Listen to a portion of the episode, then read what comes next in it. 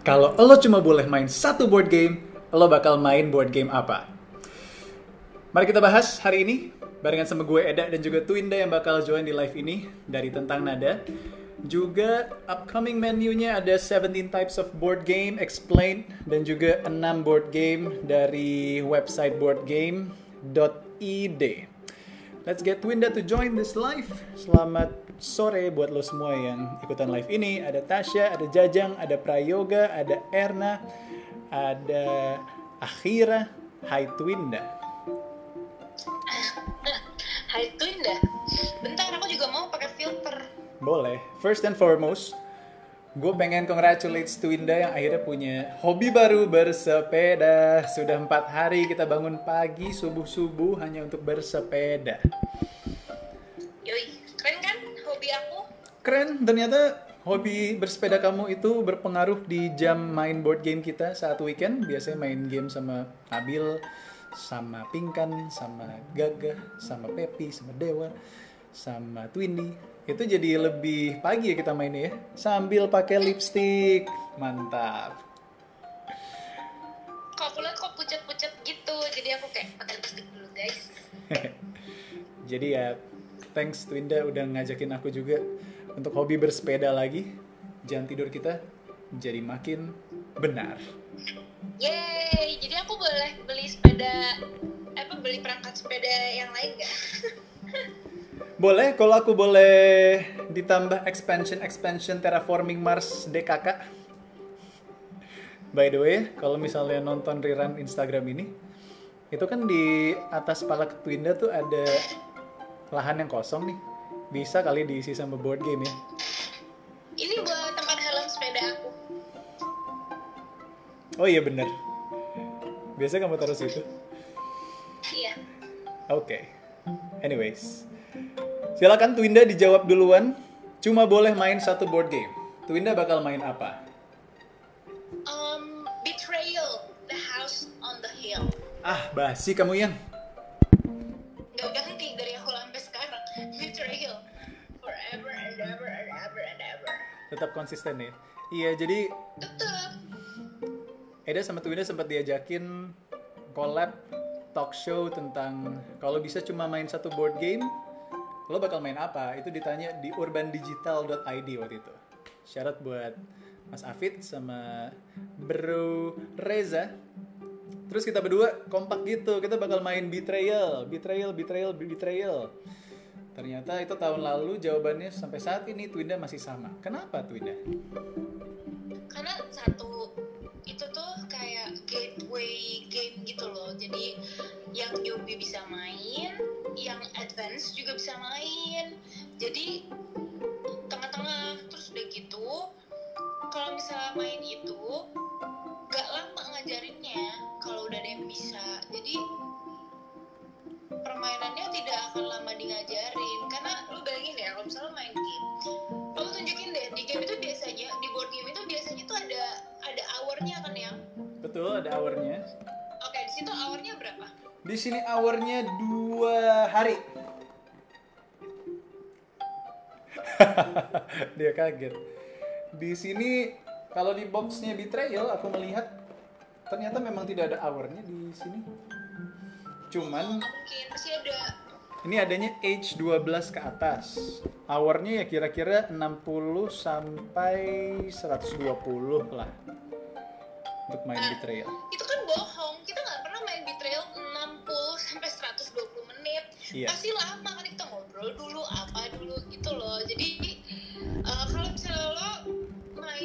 game 120 menit itu tuh belum dihitung sama ngajarin yang baru main masih tahu dulu rulesnya dan lain sebagainya. Itu tuh nggak terhitung. Jadi sebenarnya kalau misalnya aku disuruh pilih satu board game yang bisa aku mainin ya aku pilih betrayal karena gampang ngajarinnya ke yang lain kayak ini ya nanti kayak gini gini, gini udah sambil jalan gitu. Jadi nggak kelamaan di ngajarin Oke Ralat, di sini ada playing time-nya one hour. Betrayal at House on the Hill, a strategy game by Bruce Glasgow, second edition. Kalau Twinda tadi sempat mention ini adalah gateway game, aka gateway adalah game perkenalan. Jadi aku salut sama kamu gateway gamenya main Betrayal yang mantap. Ini belajarnya lumayan mati-matian. Jadi at least kalau mau main Betrayal harus ada satu yang udah ngerti, yang udah pernah main. Oke? Kenapa kamu mukanya hampir sama kayak aku? aku mirroring kamu Oke. Aku ternyata selama hampir 6 bulan atau 8 bulan ya sejak jawaban pertama Betrayal, aku punya jawaban baru hari ini Twinda. wow karena board game lu udah beranak Betul, setelah kolaborasi sama Arcanum yang tadinya setahun ngumpulin 40 eh 30, sekarang udah hampir dua kali lipat, hampir 60. Dan untuk jawaban Hah, aku? Hah? Kenapa ya? udah mau 60 Udah mau 60. Jadi satu tahun dulu sebelum collab sama Arcanum ngumpulinnya 30. Setelah collab sama Arcanum ini cuma belum 6 bulan kita kan dari Maret itu udah hampir 60. Jadi sudah beranak dua kali lipat, hampir dua kali lipat. Luar biasa ya. Oke, kalau aku cuma boleh main satu board game, dulu aku jawab Betrayal. Sekarang aku sudah berubah. Aku jawabannya adalah Star Wars Rebellion. kenapa kamu Star Wars fan Aku Star Wars fans dan menurut aku ini adalah epic conflict between Galactic sama Rebel Alliance. Dan aku penasaran walaupun hanya baru tiga kali main Star Wars Rebellion ini, cuman kok dari tiga game itu selalu Empire yang menang ya. Si Dark Side terus yang menang, si Darth Vader mulu yang menang. Nah aku penasaran kapan si Rebel aka geng Luke Skywalker, Yoda, Han Solo itu bakal menang sebenarnya. nanti kalau udah enam kali main bener gak sih Tahu dari mana lu? Enggak kan Star Wars keberapa sih yang dia udah mulai menang? Oh iya, menurut filmnya ya. Iya, kan? Iya, ini kan kamu main satu kali, dua kali, tiga kali selalu yang eh, jahat si Darth. Vader yang menang. Ya Mhm. nanti kalau udah yang keenam, Rebellion menang. Bisa jadi sesuai filmnya ya. Mm-mm. Iya. Jadi kenapa aku suka Star Wars Rebellion? Jadi selama kita main board game, uh, aku lebih mengenal diri aku. Ternyata aku suka main yang partinya itu bisa cuma dua atau empat ternyata atau lima lah max. Nah ternyata pas kemarin main introvert, pas kemarin main Rebellion barengan sama Nabil, uh, sehari sebelum Nabil ulang tahun, kan aku berdua main sama Nabil intens banget tuh. Aku pakai Empire, Nabil pakai Rebel. Nah karena lawan mainnya itu sebanding, berarti kalau main tenis tuh enak tuh yang rally-nya nih, mukulnya bolanya nggak pernah out nih, terus terus masuk terus bolak-balik. Nah itu seru banget main Rebellion-nya deck buildingnya dapet, kita building karakternya dapet, leveling up-nya dapet, mapnya bagus, sama momen-momen si Empire-nya nyari sistemnya si Rebel itu di mana, sama Rebelnya mencoba untuk mem, memain membrainwash semua galaksi kalau Empire itu jahat, itu seru banget kalau buat aku ya Rebellion. Jadi, jadi kamu udah punya Star Wars itu dari bulan Oktober Oke. 2020. Ini, ini seru kalau ngomongin Jangan. Star Wars Rebellion. Ini game COVID Terus, kita. Tunggu, tunggu, tunggu. Iya. Terus kamu udah punya dari Oktober 2020. Mm-mm. Terus kamu kan kita udah mainnya tiga kali. Betul. Kita itu maksudnya kamu ya. Iya. Kamu mainin pertama sama aku, mainin kedua sama aku, mainin Betul. ketiga sama Nabil. Iya. Dan baru pas main sama Nabil, lo bilang game ini seru. Emang monyong. Jadi main sama kamu nggak seru ya? Lo nggak seru. Enggak, karena kadang kan kalau kita main board game gitu ya, setiap minggu, coba ya, percaya nggak percaya, kita udah melakukan game night sejak Maret sampai Juni ini berapa kali? Coba tebak. Kita ngumpulin teman sama keluarga untuk main board game. Udah berapa kali? Coba kamu tebak. Hitung weekendnya ada berapa? Dari Maret sampai Juni. Coba dihitung weekendnya berapa? Maret, April, Mei, Juni. 4 kali 4 16 ada yang ada yang ininya 5. 16 kali 2 32, Mhm. 34 tambah yang weekdays weekdays 10 kali ya. 44 deh. Empat empat kebanyakan. Hai Zulis, saya fan dari Malaysia. Halo Malaysia. Kalau boleh ikutan ma Range-nya 34 sampai 44. topiknya silahkan ya Zulis di Malaysia. Enggak kelebihan kita hanya 22 main, tapi itu lumayan sih. Di bulan Mei itu game yang paling sering kita mainkan adalah Batman. Kalau di bulan Juni yang paling sering kita mainkan adalah Mozo. The number one music streaming game. Ini laku banget di bulan Juni ini. Seru sih mainnya. Hai Gia Sabila. Emoji love. Nah, enak tuh main sama Gia tuh, Muzo. Iya ya. Pokoknya yang into music enak nih main Muzo. Tebak lagu. Siapa cepat tahu artis sama titlenya dia menang. Iya. Anyways, iya Star Wars Rebellion menurut aku itu adalah satu board game yang aku bakal mainin kalau cuma boleh pilih satu saja. Syarat juga ke Pinkan yang udah ngasih topik ini sebenarnya ya waktu dia main ke rumah terus dia nanya ke Gagah kan. Polos, pertanyaan polos aja. polos. Kalau lu kalau lu boleh pilih satu board game untuk dimainin di raknya Eda sama Twinda lu main yang mana gitu? Oke. Siap. Berarti kalau Twinda tetap Betrayal kalau Eda sudah berubah dari Betrayal ke Star Wars Rebellion ya? Nanti kalau ada game horor yang seru, baru aku pindah.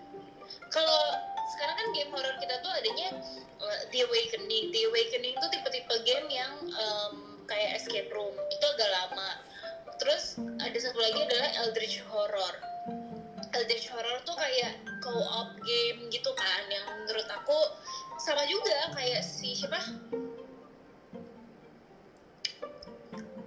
Betrayal gitu Betrayal. ada co-op di awal gitu Yes. cuman cuman kalau Betrayal tuh ada plot twistnya. Kalau Eldritch tuh karena pertama kali kita main aku tuh stres banget. Jadi aku kayak nggak enjoy nih gue gitu. Ya mungkin kalau misalnya kamu mau beliin aku The Shining atau Gloomhaven atau game horror lainnya yang ada di Arcanum Hobbies ya kan? Aku sih menerima. Siapa tahu itu bisa jadi the next game buat aku we'll never know Yes, jadi memang Twinda ini suka banget sama tema horor. Itu sih kalau ngajak main Twinda tuh yang horor-horor dia pasti suka. Film pun begitu. Pacaran pertama ngajak nontonnya film Ouija berhasil. Yang lainnya filmnya ngajaknya ditolak. Oke. Nice to know. Oke, sekarang kita masuk ke talks tentang 17 types of board games explained. Jadi untuk memilih satu tipe board game yang akan kita mainkan seumur hidup kita, kita harus tahu dulu. Sebenarnya tipe-tipe board game tuh apa sih? Itu yang menjadi pertanyaan gue sama Twinda juga. As a board gamer noob ini. Uh, ada Wandi, Willy katanya. Kak Twinda disarankan Gloomhaven Jaws of the Lion dulu. Itu Gloomhaven for Dummies istilahnya. Oh, nice. Iya, Wandi. aku pikir Gloom Gloomhaven Jaws of the Lion itu expansion dari yang base game nah aku belum punya yang base gamenya gitu Gue kira juga Jaws of the Lion itu expansionnya Gloomhaven Wandi. Kita harus punya si base gamenya Gloomhaven boxnya yang gede itu dulu yang harganya 2,5 kan? iya Ternyata yang susah banget nyarinya itu Gloomhaven ya Allah iya yang Game of the Year 2020 itu. Ya ternyata Jaws of Heaven dulu ya. Itu for dummies. Itu standalone jadi bisa dimainkan langsung. Nice Wandi Willy. Thank you inputnya. Kebetulan kalau mau kalau mau di ACC beli board game sama Twinda itu at least yang temanya horror sama yang ada unsur lion-lionnya. Karena Twinda demonic animalnya adalah lion. Demonic lagi. Seakan-akan lion tuh jahat. Oke. enggak lain tuh lucu Ya, lion tuh lucu. Oke. Twinda, kita akan masuk ngomongin tentang Oh, iya. 70 types of board game. Yang menarik adalah kalau menurut Gameology.com AU Australia punya, dia punya 17 tipe board game. Sedangkan kalau di Board Game ID punya Indonesia, ini yang pingin belajar buat board game, yuk kenalan dengan 6 genre board game. Jadi kalau di Indonesia yang kita temukan ya, artikel 2020 hanya ada 6 genre, kalau di Australia 17 genre. Mari kita cari tahu apa saja. Twinda siap? Siap, ini lagi buka. Dari Gameology, yang pertama itu abstract type of board game. Contoh, Azul, Santorini, Hive, sama Chess. Games that lack a thematic element and rely solely on the decisions that player make. Abstract games can incorporate themes, however, they don't impact gameplay itself, so it's as if they may as well not be there. Oke, berarti ini adalah abstract games.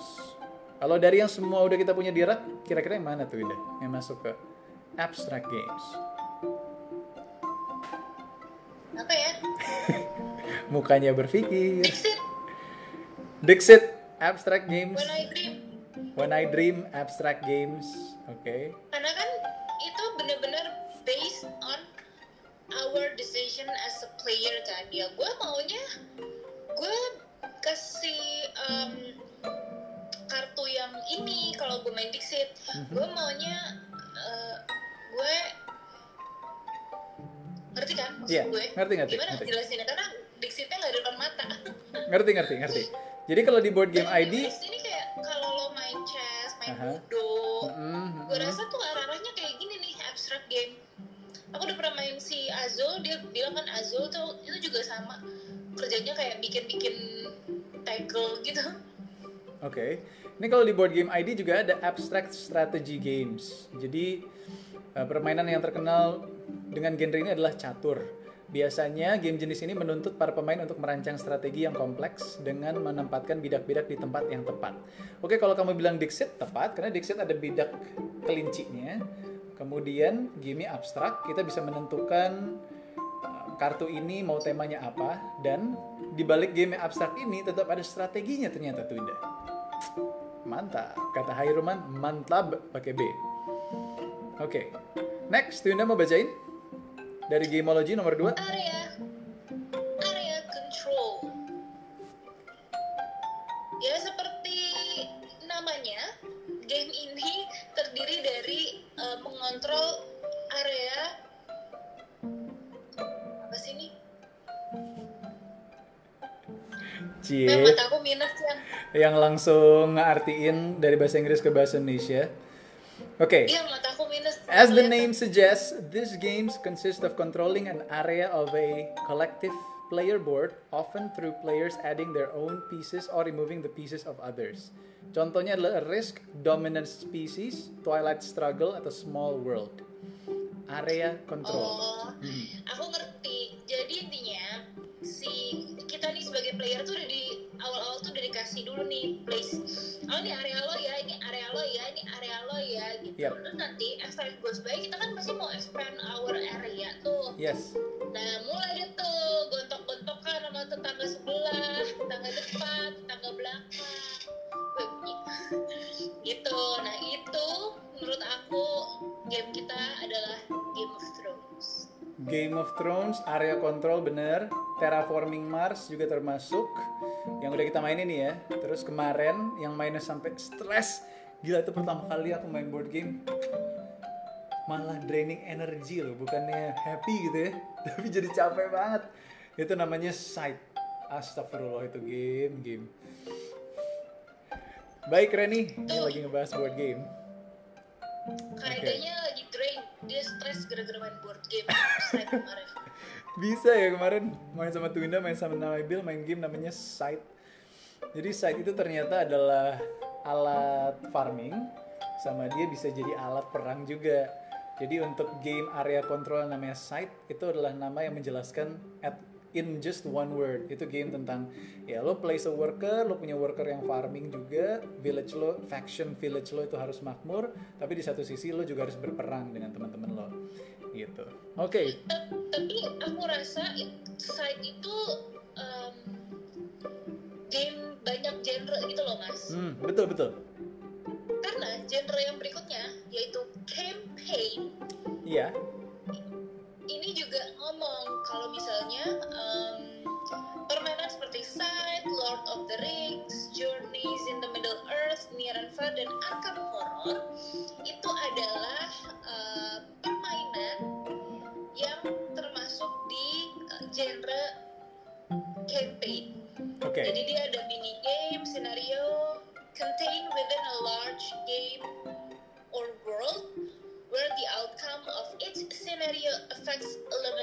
the next. Oke, sebelum kita bahas tentang campaign, ini ada bahasan menarik dari Wandi Willy. Hah, aku ada love hate relationship sama Stone Meyer Games. Stone Meyer adalah yang membuat. Sight sama Wingspan. Aku juga sih, itu komen yang tepat sekali Wandi Willy love hate Tapi relationship. kami cinta banget sama Stone Meyer, Mas. Kamu tuh mungkin if he is right in front of you, you idolize him gitu loh, gitu. Kalau aku tuh sama Stone Meyer itu untuk otak yang berantakan gitu ya di apa untuk isi otak gue yang agak-agak messed up gitu dia tuh suruh kita berurutan structured terus step satu ya kemudian dari step satu ke step dua pionnya from here you have to move it there exactly there aku stres kayak gitu Iya, setuju. Jadi kemarin aku baru nemuin tentang perbedaan Stone Meyer sama Fantasy Flight Games. Oke, kalau Stone Meyer benar kata Twina itu structured. Dan untuk war games permainan yang harusnya membunuh satu sama lain di Stone Meyer itu nggak ada yang kebunuh. Main side saat lo Iya. ngebunuh workernya saat lo ngebunuh mech-nya di giant robotic diesel punk gitu saat lo hancurin itu robot nggak mati. Tapi itu balik ke base home-nya. Dan menurut aku sama Twinda itu kayak ibaratnya Disney kalau lagi perang. Nonton Marvel End Endgame kan? Walaupun perang tapi nggak ada yang mati nggak ada darah darahan gitu. Star Wars yang sejak dipegang Disney kagak ada darah darahan jadi gitu. Maunya apa sih si Stone Meyer ini? Game perang tapi kagak ada bunuh-bunuhan. Gitu sih. Dan bener untuk orang-orang yang suka structured suka pola itu Stone Meyer sih the best. Gitu. Iya. Me, yes.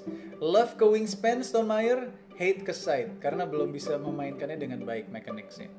Oke, berarti balik lagi ke, ke tipe campaign games, tipe-tipe board game. Jadi campaign games ini mungkin masuknya di um, game yang udah punya universe-nya gitu ya, ya. Lord of the Rings, Game of Thrones, Eldritch Horror, itu dari universe-nya buku Lovecraft kan? Oke, yes Mengerti. Next, tipe board game adalah kooperatif co-op. Nomor 4. Again, as the name suggests, this includes games where players work together against the, the game to achieve a common goal and win as a team. Jadi menang bareng, kalah bareng. Contoh Pandemic, Spirit Island, Mysterium, Hanabi. Kalau contoh di rak kita apa tuh Indah? pandemic yang kamu pakai buat ganjel HP kamu sekarang Betul, Pandemic. Ini aku pakai buat ganjel nih. Iya, itu dia. ya Yes. Emang multifungsi ya board game. Ke setelah pandemi, co-op tuh juga ada Eldritch Horror, itu juga co-op. Terus kayaknya game-game escape room kita tuh juga co-op kayak Unlocked, terus The Awakening itu juga co-op. Terus permainan yang aku juga nggak suka yaitu Batman, itu juga co-op. Batman luar biasa sih Batman. Terus ada Polar Bear itu juga co-op. Mhm. kita berusaha menyelamatkan polar bears and his family from the climate crisis. Yes. Sebenarnya yang agak-agak co-op itu ya. Aku suka kesel kalau main terraforming, main Everdell. Pokoknya yang kita nge-build our Oh, own itu bukan faction. co-op, itu beda. Itu bukan co-op, tapi kita dipersatukan dengan Itu deck tujuan building. itu deck building, bener. Itu deck building. Tapi pada akhirnya, if you see the silver lining, oke terraforming Mars, kita mungkin beda-beda bisnis di Mars, tapi kita dipersatukan oleh, hey, ini kita lagi bangun Mars bareng loh, gitu. Jadi akhirnya, ya udah kita punya Mars bareng. Everdell, ini kita lagi bikin village Everdell bareng loh, walaupun desa lo lebih makmur, tapi at least Desa Everdell bisa bisa bagus gitu desanya. gue rasa kalau gue ketemu sama Elon Musk gue mau kasih dia terraforming Mars deh Betul. lu sebelum bawa manusia ke Mars lu mainin ini dulu deh gitu Iya, terraforming karya Jacob Frixelius yang aku suka susah nge-pronounce namanya. Iya, by the way dia profesor ternyata yang bikin terraforming Mars. ya harus sih kalau dia nggak profesor kayak wow jelimet banget otaknya Oke, itu berarti um, kooperatif co-op. Next, di nomor 5 ada deck builder, deck building games. Boleh tuh Anda bacakan captionnya? games that or incorporate cards in which the objective is to purchase an and or exchange for cards with better abilities so you have a higher chance of drawing those cards during play You are effectively building your hand of cards.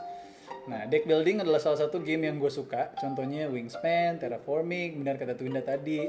Karena deck building biasanya Wingspan mas Wingspan juga deck building. Everdell Everdell, deck building. Pokoknya game-game yang kita tanggung jawabnya itu ada di kartu. Kadang hokinya pun ada di kartu. Terus kita build kartunya sebanyak mungkin sampai akhirnya kita mengumpulkan victory points yang oke dari si deck building ini. Aku suka karena ini leveling up dari yang kita nothing to something. Kalau Twinda gimana deck building? Hoki-hokian aja karena kadang di game pertama kita bisa aduh gila kartunya jelek banget gitu tapi di kedua kalinya kita main tuh bisa beda banget karena depends on the cards kan kalau misalnya kartunya nggak di shuffle dengan baik ya udah kelar aja gitu Yes, ada Wani Willy Everdell bukan deck building deh perasaan. Boleh koreksi kita kalau misalnya kita salah. Kayaknya Everdell juga bukan deck building ya. Jadi ragu. Oke. dia dia kita bilang deck building karena dia builds five apa 15 series itu terus itu kan jadinya kayak lo lo bikin sendiri uh, your own deck your own city gitu Iya, kalau di Ever- Everdell tuh namanya tableau. Jadi kita harus punya 15 kartu gitu kan. Ya mungkin setengah. yang Oke, which kalau itu kata yang akan menentukan kemenangan kamu Oke. iya, kesel ya. yang aku selalu menang kan Everdell oke aku suka permainan itu Ya, boleh lah. Kamu baru pertama kali menang sebenarnya. Pertama kali main tuh Nabil yang menang karena walaupun kamu skornya sama sama Nabil, tapi Nabil foodnya lebih banyak. Itu kesel sih emang. iya tapi aku hanya berbeda food menurut aku kayak oke berarti aku udah dapet nih strateginya Yes. Bagus, Wandi Willy. Kalau deck building itu contohnya Fort, Viscounts of the West Kingdom, Lost Ruins of Arnak. Ya, itu dia. nah ini tiga game yang disebutkan aku belum pernah main tapi menarik sih Yes, Fort aku penasaran sih ada di Arcanum Hobbies. Thank you Wandi Willy. Next type of game ada namanya drafting. Contohnya Seven Wonders, Sushi Go, Blood Rage sama Bunny Kingdom.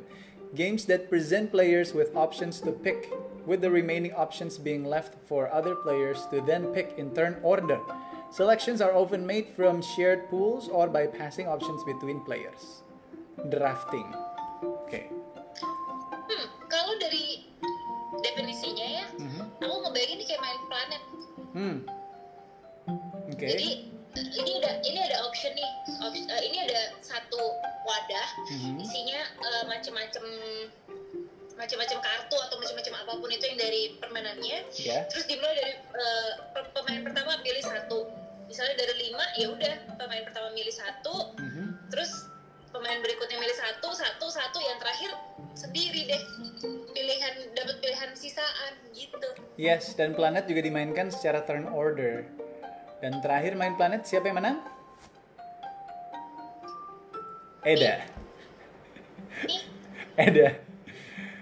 Nah, itu kata Wandi, ini draftingnya apa dulu nih? Drafting kartu apa dadu? Iya, jadi kita harus tahu juga sub gamingnya itu ada dice rolling game yang biasanya hoki-hokiannya dari lempar dadu sama ada card focus game gitu ya, yang hoki-hokiannya dari kartu. Oke. Next di nomor 7 ada apa tuh Indah? ada dungeon crawler. Mhm. Games where players assume a character that moves through a location defeating enemies controlled by other players or the game itself. Oke. Contoh permainannya adalah Mansions of Madness, Mhm. Mice and Mystics, Mhm. Star Wars Imperial Assault, Mhm. sama Decent. Yes, kalau yang dari Rak Eda sama Twinda, ya ini kan dungeon crawler, kita move ke lokasi enemy untuk mengalahkan mereka. Ya rata-rata game-game FFG ya, game-game war kayak Game of Thrones yang udah kita mainin, Star Wars mungkin juga termasuk Rebellion dungeon crawler, kemudian Eldritch Horror itu masuk juga ke lokasi enemy walaupun digabung dengan co-op. Ya kan? Jadi sebenarnya gini, tadi maksudnya gini kan kita kayak kayaknya kalau di rak kita tuh kayaknya mirip perma- permainan ini deh, kayak permainan ini deh gitu kan. Mhm. Nah, em, terus tiba-tiba eh, ini Wandi kasih masukan ke kita kan, eh ini bukannya permainan, eh, eh kayaknya si Everdell bukan deck building deh. Terus aku jadi kayak menyadari kayaknya Mhm. memang satu board game itu belum tentu cuma punya satu genre gitu Betul. Tapi bisa mix beberapa genre tuh dia masih bisa masuk kayak side itu kayaknya permainan yang satu board game tapi masuk ke banyak genre gitu jadi kayak Yes. bisa mirip-mirip karena mekanismenya tuh nggak cuman satu plek-plek gitu loh cuman misalnya kayak dice rolling ya udah lo main dadu aja sampai selesai gitu Yes. Kayak gitu sih Yes. aku jadi kayak belajar lagi nih thank you banget nih Wandi Willy Yes. yang fix belum haven Fix Gloomhaven kata Wandi itu adalah dungeon crawler. Oke, itu next gamenya di wishlist Eda sama Twinda sih Wandi. Jadi kalau Wandi udah sempat main, boleh juga. Nanti kita main bareng untuk Gloomhaven karena pasti mekaniknya agak ribet ya.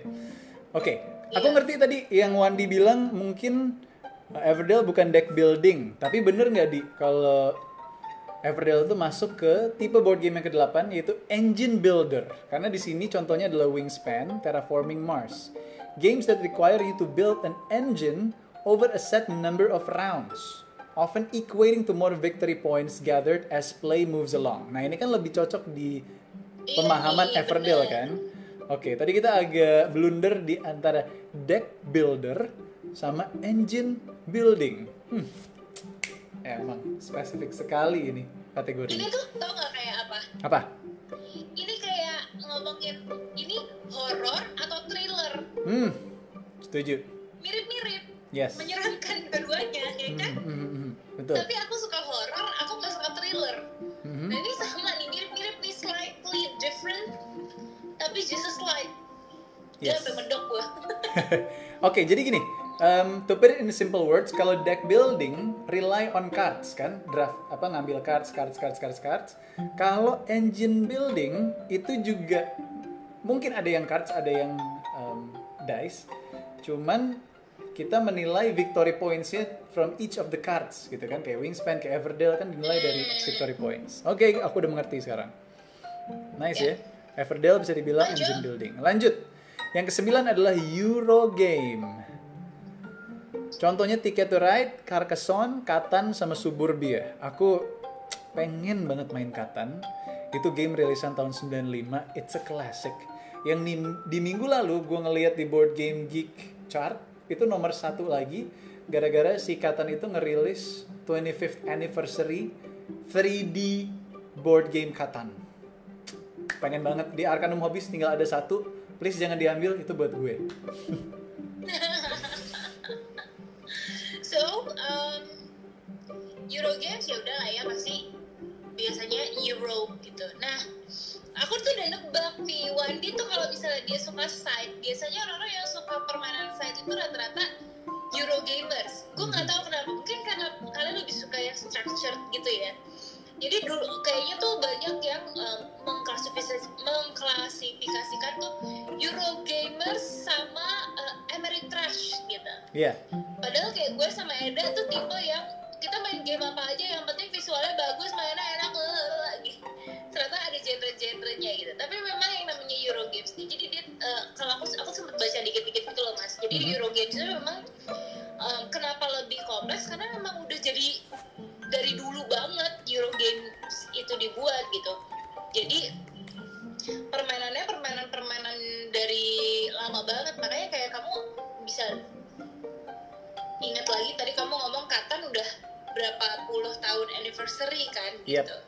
Betul. It's a classic. Eh, salah satu genre klasik juga, Katan ya kan. Ada Minggu Libur Podcast. Yoi bro Iksan Pratama di Bandung. Cash and Guns dia bilang. Kalau cuma boleh main satu board game, lo main apa? Cash and Guns. Ini salah satu juga yang gue pengen punya sebenarnya. Twinda ini tahun 2014. Cash and Guns Second Edition. A band of gangsters splits its loot, but guns speaks louder than money. Keren. 30 menit. Cash and Guns. Ini kategorinya bluffing, fighting, humor, mafia, negosiasi, party game. Pokoknya party game itu adalah gateway game yang noob-noob board gamer tuh harus main sih. Cash and Guns salah satunya. Penasaran? Iya, dan kita juga harus main tuh. Betul. Syarat buat Minggu Libur Podcast, gue masih dengerin podcastnya terakhir episode Raisa tentang dirimu. Anyways, um, Wandi, uh, aku ada desainer Euro favorit namanya Vital Lacerda. Oke, nanti kita Which search tentang itu. membuat apa? Vital Lacerda, aku lagi mencari, tapi sembari berjalan kamu masuk ke tipe board game nomor 10, yaitu apa tuh, Indah? Ya itu, ya itu. Legacy. Legacy. What is Legacy? Legacy. Examples. Gloomhaven. Mhm. Pandemic Charterstone, Betrayal Legacy. Ini bukan Betrayal yang gue suka ya, di Betrayal beda lagi. Oke. Jadi um, mirip-mirip lah sama campaign games where player where players play through a set of stories to complete the journey Mhm. within the game's world. Bedanya adalah mereka tuh membutuhkan para players to inflict irrevocable permanent changes to the game as play progresses based on the decisions made along the way. Wow. Dan biasanya ini um, changesnya tuh physicals. Hmm. Oke. Jadi a journey to a games world. Ini agak immersed legacy termasuk Gloomhaven ya.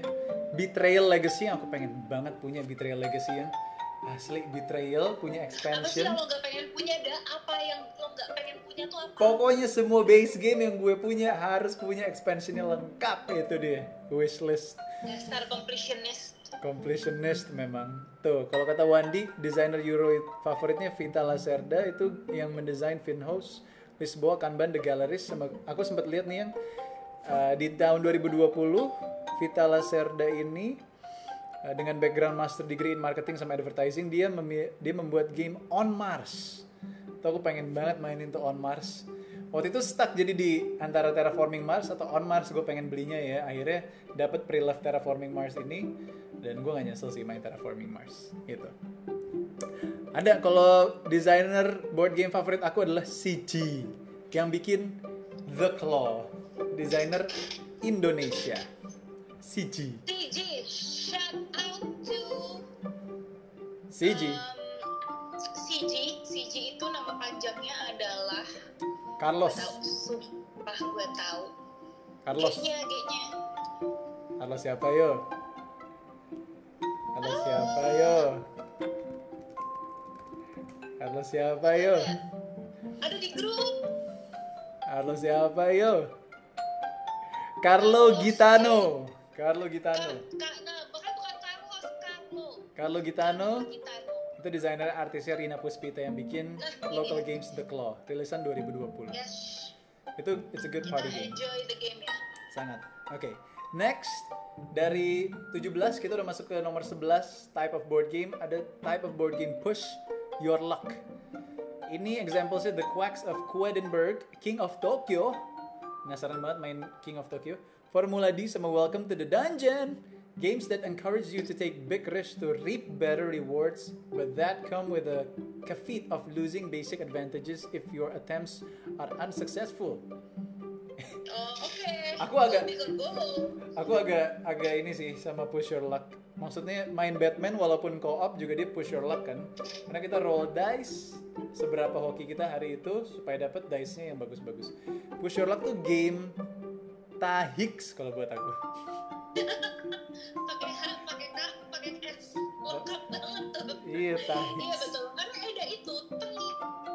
Telik banget dia tuh kalau misalnya dia kita suruh melempar dadu, aduh udah deh pasti jelek gitu. Jadi kayak terakhir kita menggantungkan hidup kita sama Eda terus dia suruh roll a dice atau ngambil kartu atau Betul, termasuk terakhir main Star Wars Rebellion dari FFG itu dice roll banget pas combat. Jadi ah sebel banget kalau misalnya udah kalah battle padahal kita udah GG, kita udah OP gitu overpower, punya punya engine-nya. Tapi pas nge-roll dice 0 0 0. 3 dice bisa 0 tuh kesel banget sih. Ya itulah. Oke, kata Wandi Celestia, nice bro. Games tipe 12 dan 13. Roll and move sama roll and write.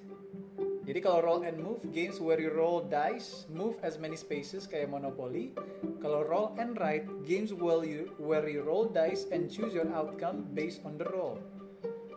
This is then written in a personal scoring sheet to keep track during the game. Roll and write. Sebenarnya game-games yang roll hmm, bukan roll and write sih. Tapi kalau beli board game tuh biasanya dikasih point scoring sheet gitu, kayak side ada, parade ada, terus wingspan ada. Aku suka banget tuh kalau dikasih sheets untuk score the points. Jadi kita tahu kapan mainnya. Aku tipe yang begitu memang yang ternyata. Tahu kapan mainnya terus nilainya berapa, siapa yang menang. Right. nice Nice ya. oke next nah ini akhirnya nih resource management Hmm. Examples? Everdell. Nah, ini yang paling cocok nih ternyata sama Everdell. Imperial Settlers, Concordia, and Sight. Jadi ini adalah tipe games yang um, give players a limited amount of resources and require them to plan out or strategize how they will spend those resources through the game end.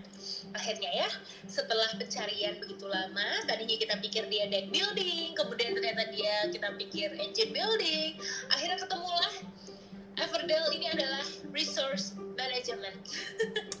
Karena memang jadi kalau misalnya lo mainin Everdell, dia ada um, resourcesnya entah sticks atau logs, terus ada berries, ada resin, terus ada apa lagi ya?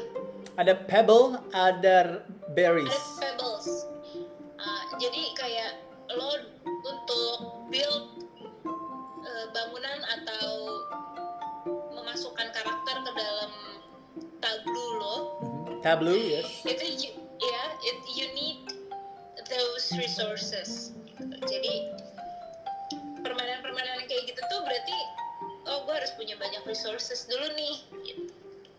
Pertanyaannya, kita kan udah main Everdell base game sama kita punya expansion uh, Everdell Pearlbrook yang nambah makhluk-makhluk lautnya.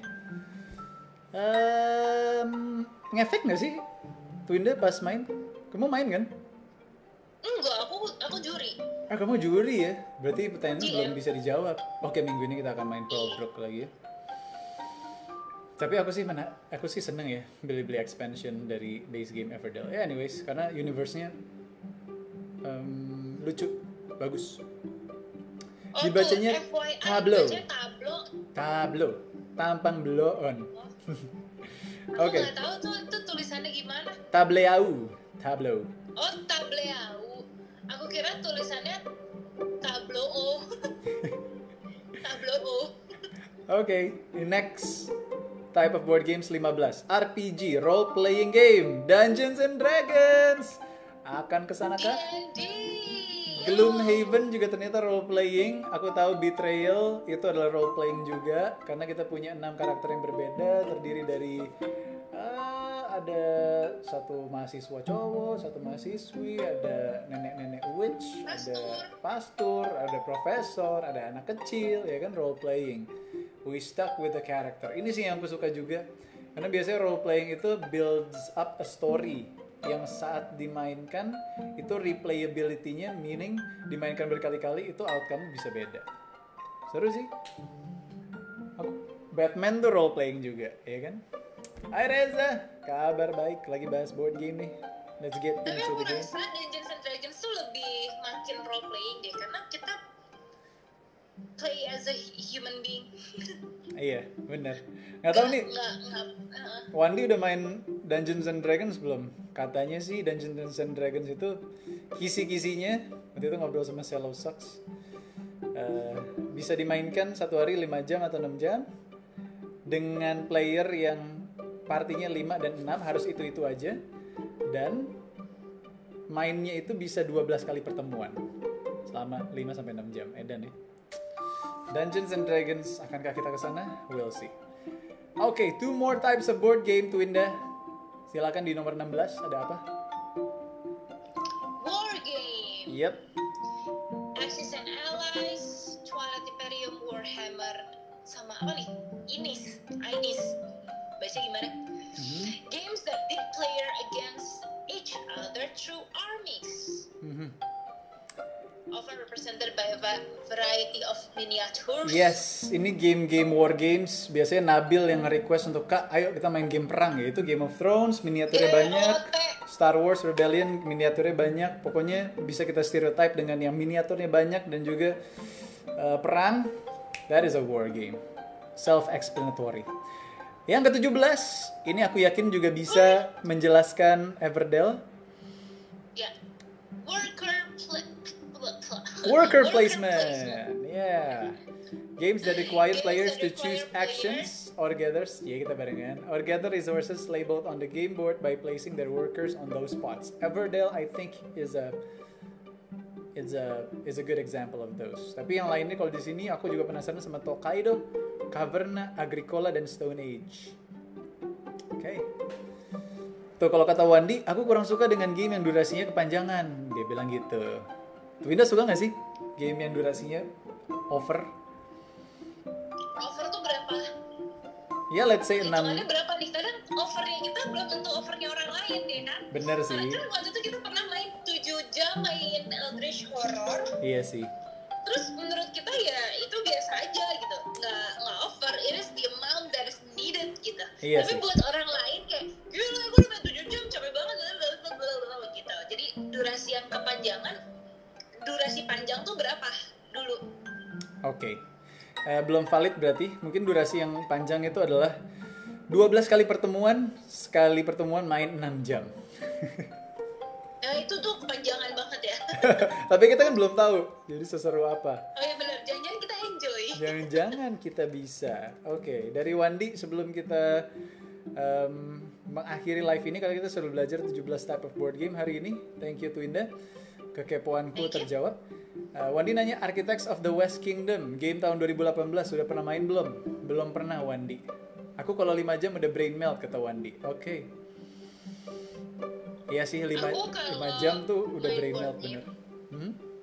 Aku kalau main board game itu misalnya kayak kita start jam 1 Nanti kita ada break maghrib Bener ada isoma biasanya. Eh, Biasanya kita ada isoma, cuci tangan, terus eh, makan dulu apa segala macam dan lain sebagainya Baru sekitar jam 7 eh, kita mulai lagi gitu Soalnya kalau misalnya diterusin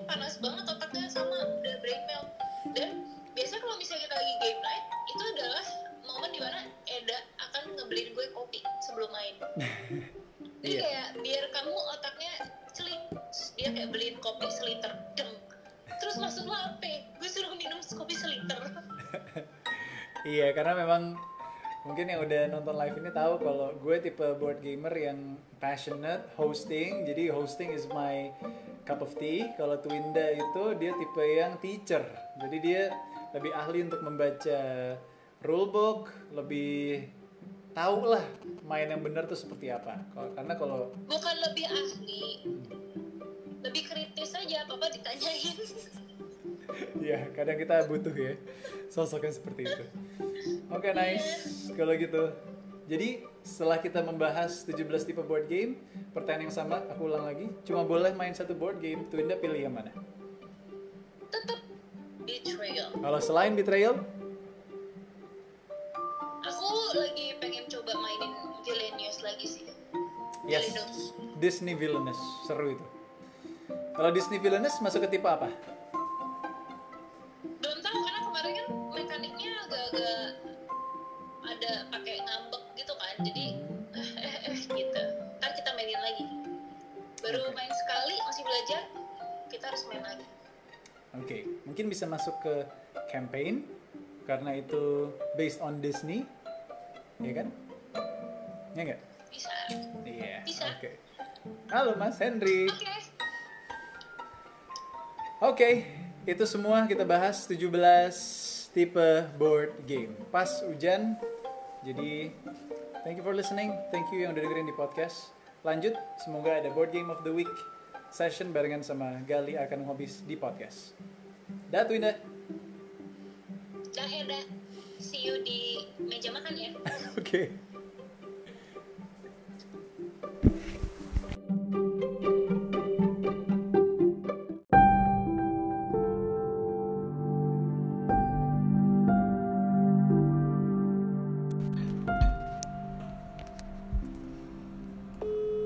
Halo.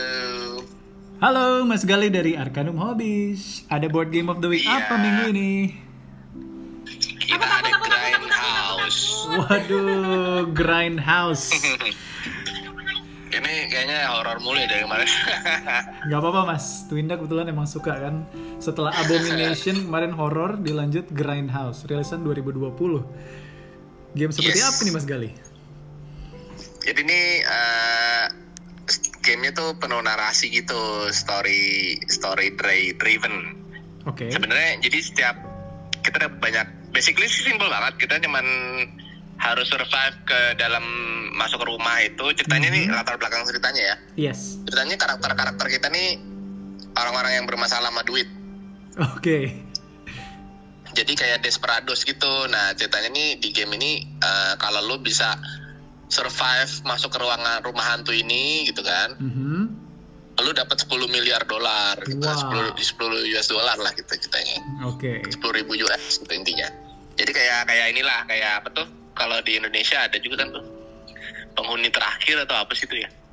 Iya, universe-nya kayak gitu ya Penghuni terakhir. Ya iya. jadi kayak gitu gitu. Jadi nah jadi cuman game cuman ada lima kamar. Mhm. kamar itu pakai kartu gitu ya diwakili nama kartu dapat playmat. Oke. Oh komponennya keren banget sih. Jadi lu dapat playmat eh tebel gitu. Playmatnya yang bisa digulung gitu. Yes, ini sambil lihat di board game geek. Nice. Ah, nah intinya dia akan ada lima kartu random itu dan setiap game pasti beda lah karena di random kan. Oke. Kartunya banyak banget aslinya tuh tebel banget jadi ada kayaknya sekitar 50 kartu ya kalau nggak salah. Gue lupa. Oke. Nah itu itu basically semua ruangan dan semua story yang berbeda. Hmm, oke. Jadi nanti ya udah ketika lu buka itu lu baca. Jadi ini eh, cocok banget buat teman-teman yang suka narasi ya, suka Oke. main kayak D&D gitu-gitu tuh cocok banget main ini. Oke. Karena nanti kita nge-build ambience dari cerita eh, di kamar itu. Oke, nice Jadi setiap kartu dibuka itu nanti kita cerita di kamar ini lu ngeliat sosok Hmm. eh, gaib apa ini ini, nah dia berjalan ke arah lu gitu ya gitu gitulah. Oke Nah nanti di bawah kartu itu ada challenge. Mhm. Nah kita masing-masing kan dapat dadu. Dadunya juga keren, juga keren banget. Oh, Ada lumuran darah itu. Hmm, Ngeri nah basically nanti lu ngerol. Ya udah.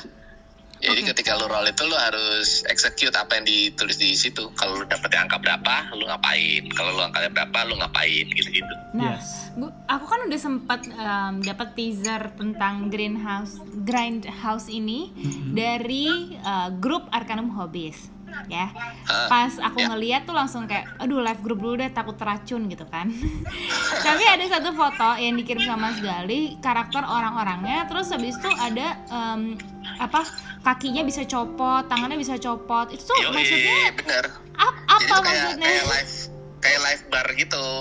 Oh, Oke, live barnya. Jadi jadi nanti tantangannya di situ. Jadi misalnya kayak kalau di setiap ruangan itu ada yang maksa lu harus ngambil eh, apa? Eh, ya beda-beda sih kayak di kitchen gitu kan. Mm-mm. Nanti ada di kitchen itu ceritanya ada yang lu harus ngambil eh, apa masakan yang panas pakai tangan lu. Kalau enggak lu roll berapa gitu. Kalau lu gagal tangan lu ang- angus bakar gitu. Oke. Jadi jadi tergantung challenge-nya. Nanti ada beberapa challenge yang lu nggak bisa lakukan kalau lu nggak punya tangan gitu atau nggak nggak punya kaki gitu. Nice. Jadi makin eh, sold. eh, impact impact tangan kaki itu juga penting. Oke, mantap. Ini game rilisan 2020, publishernya Everything Epic Games, desainer John Con, sama artis Ivan and Boris. Um, Mm-mm. Eh, sorry, jadi ini co-op Meskipun meskipun kesannya horor banget tapi Hmm. eh, artnya lucu kok. Oh, oh, Oke. Nice. Serem tapi lucu. Tadi Tuna Oh nanya iya apa? satu lagi karakternya kan eh, apa ada lima apa enam ya gue lupa. Oke, ada Kayaknya 6 di sini, Mas. Mm, ada 6. Ah ada enam ya. Yes. Jadi bisa untuk enam player. 6 players. Tadi Tuna Eh, sempat dan nanya. karakter itu eh, Hmm? masing-masing punya latar belakang cerita Oke. yang udah di fix kan. Maksudnya dia jadi ada ada intronya gitu. Oh. Dia ini ada orang ini dia kehilangan rumah jadi dia harus beli harus butuh duit segala macam. Ada lagi yang kayak dia punya utang dia harus nyari duit gitu. Jadi kayak motivasinya untuk ikut ini diceritain di situ. Tapi menariknya lagi ada juga namanya persona card. Apa tuh persona card? Jadi se- setiap karakter itu eh, selain ada latar belakang cerita itu kan fix latar belakang ceritanya. Iya. Nah tapi personanya ini yang random. Oh, personanya Jadi, random. eh, Iya, iya, eh, iya, iya. Lu karena lu pakai karakter yang sama, tapi Uh-huh. ketika lu main lagi besoknya lu bisa jadi personanya beda gitu. Jadi nggak nggak nggak bakal boring lah. Oh, contohnya kalau di sini ada kita lawyer ada- gitu ya. Heeh. Hmm. Ada psikopat ternyata lu Oke. jadi kayak atau enggak masokis jadi lu Hmm. bisa tahan damage gitu gitu ada yang malah kalau cocok itu nanti ketika lo kena damage malah lu jadi lebih kuat gitu kayak masokis gitu kan Oke, jadi replayability-nya oke juga nih ya Mas ya. tinggi banget Oke. dan Nice. gameplaynya sebenarnya simple karena lu cuman setupnya juga tinggal lo siapin 5 kartu aja Iya sih. tapi pilihan kartunya yang banyak banget Hmm. jadi they will be never the same game every time Nice. Oke. Simple setup tapi gamenya em, lumayan menantang dan ini cara menangnya berarti hanya ada satu pemenang ya Mas ya? Enggak juga kadang-kadang oh ya men- menarik lagi di sini eh, ketika lo jadi hantu juga masih bisa main Oh, Masih bisa kesel menang. ya. Masih bisa jadi ketika lo menang. mati itu jadi hantu ceritanya Oke. nanti ada oh ya satu lagi selain persona card lo dapat mission card kayak secret mission gitu jadi ada ada misi-misi yang emang lo harus jadi hantu gitu untuk menang nanti pas di end of game itu di reveal Wow. si secret apa. jadi banyak komponen yang yang mix and match yang yang nggak bakal bikin boring lah Iya sih. Ini persona cards ada 25, item cards 23, room cards 71. Wow. Oh iya, item item card juga tuh benar. Jadi itu item card juga dibagiin random. Nanti lu bisa kayak pakai anytime gitu ketika di turn lo. Oke, Jadi nice. ada persona, ada item Mhm. card, karakter card sama itu room card. Room cards. Oke, jadi sebelum ini kita habis live dan ngomongin kalau lo cuman boleh main satu board game seumur hidup lo, lo akan milih apa? Gue tadi milih Betrayal uh, The House on the Hill, Mas. Terus gue bilang sampai sekarang belum tergantikan. Mungkin kalau nanti ada game-game horor atau game-game yang uh, pokoknya yang spooky-spooky gitu, mungkin gue akan uh, milih itu. Tapi gue nggak suka sama uh, Eldritch Horror karena terlalu um, rumit lah ibaratnya gitu. Tapi gue Iya, gue iya. suka horor yang Ini easy. party banget sih. Nah, horor yang party tapi uh, tetap ada step-stepnya seriusnya. Terus tiba-tiba lo rekomendasiin ini, gue kelar, gue menjilat ludah gue sendiri. Siap. Grindhouse. Hagesan 2020. Grindhouse. Sudah Yoi, available di terutama buat teman-teman. D&D sih pasti suka banget karena ambient buildingnya eh, mood building banget ngebacanya tuh kayak step by step. Siap. Pemanasan ke D&D berarti ini ya. Mantap. Yo eh.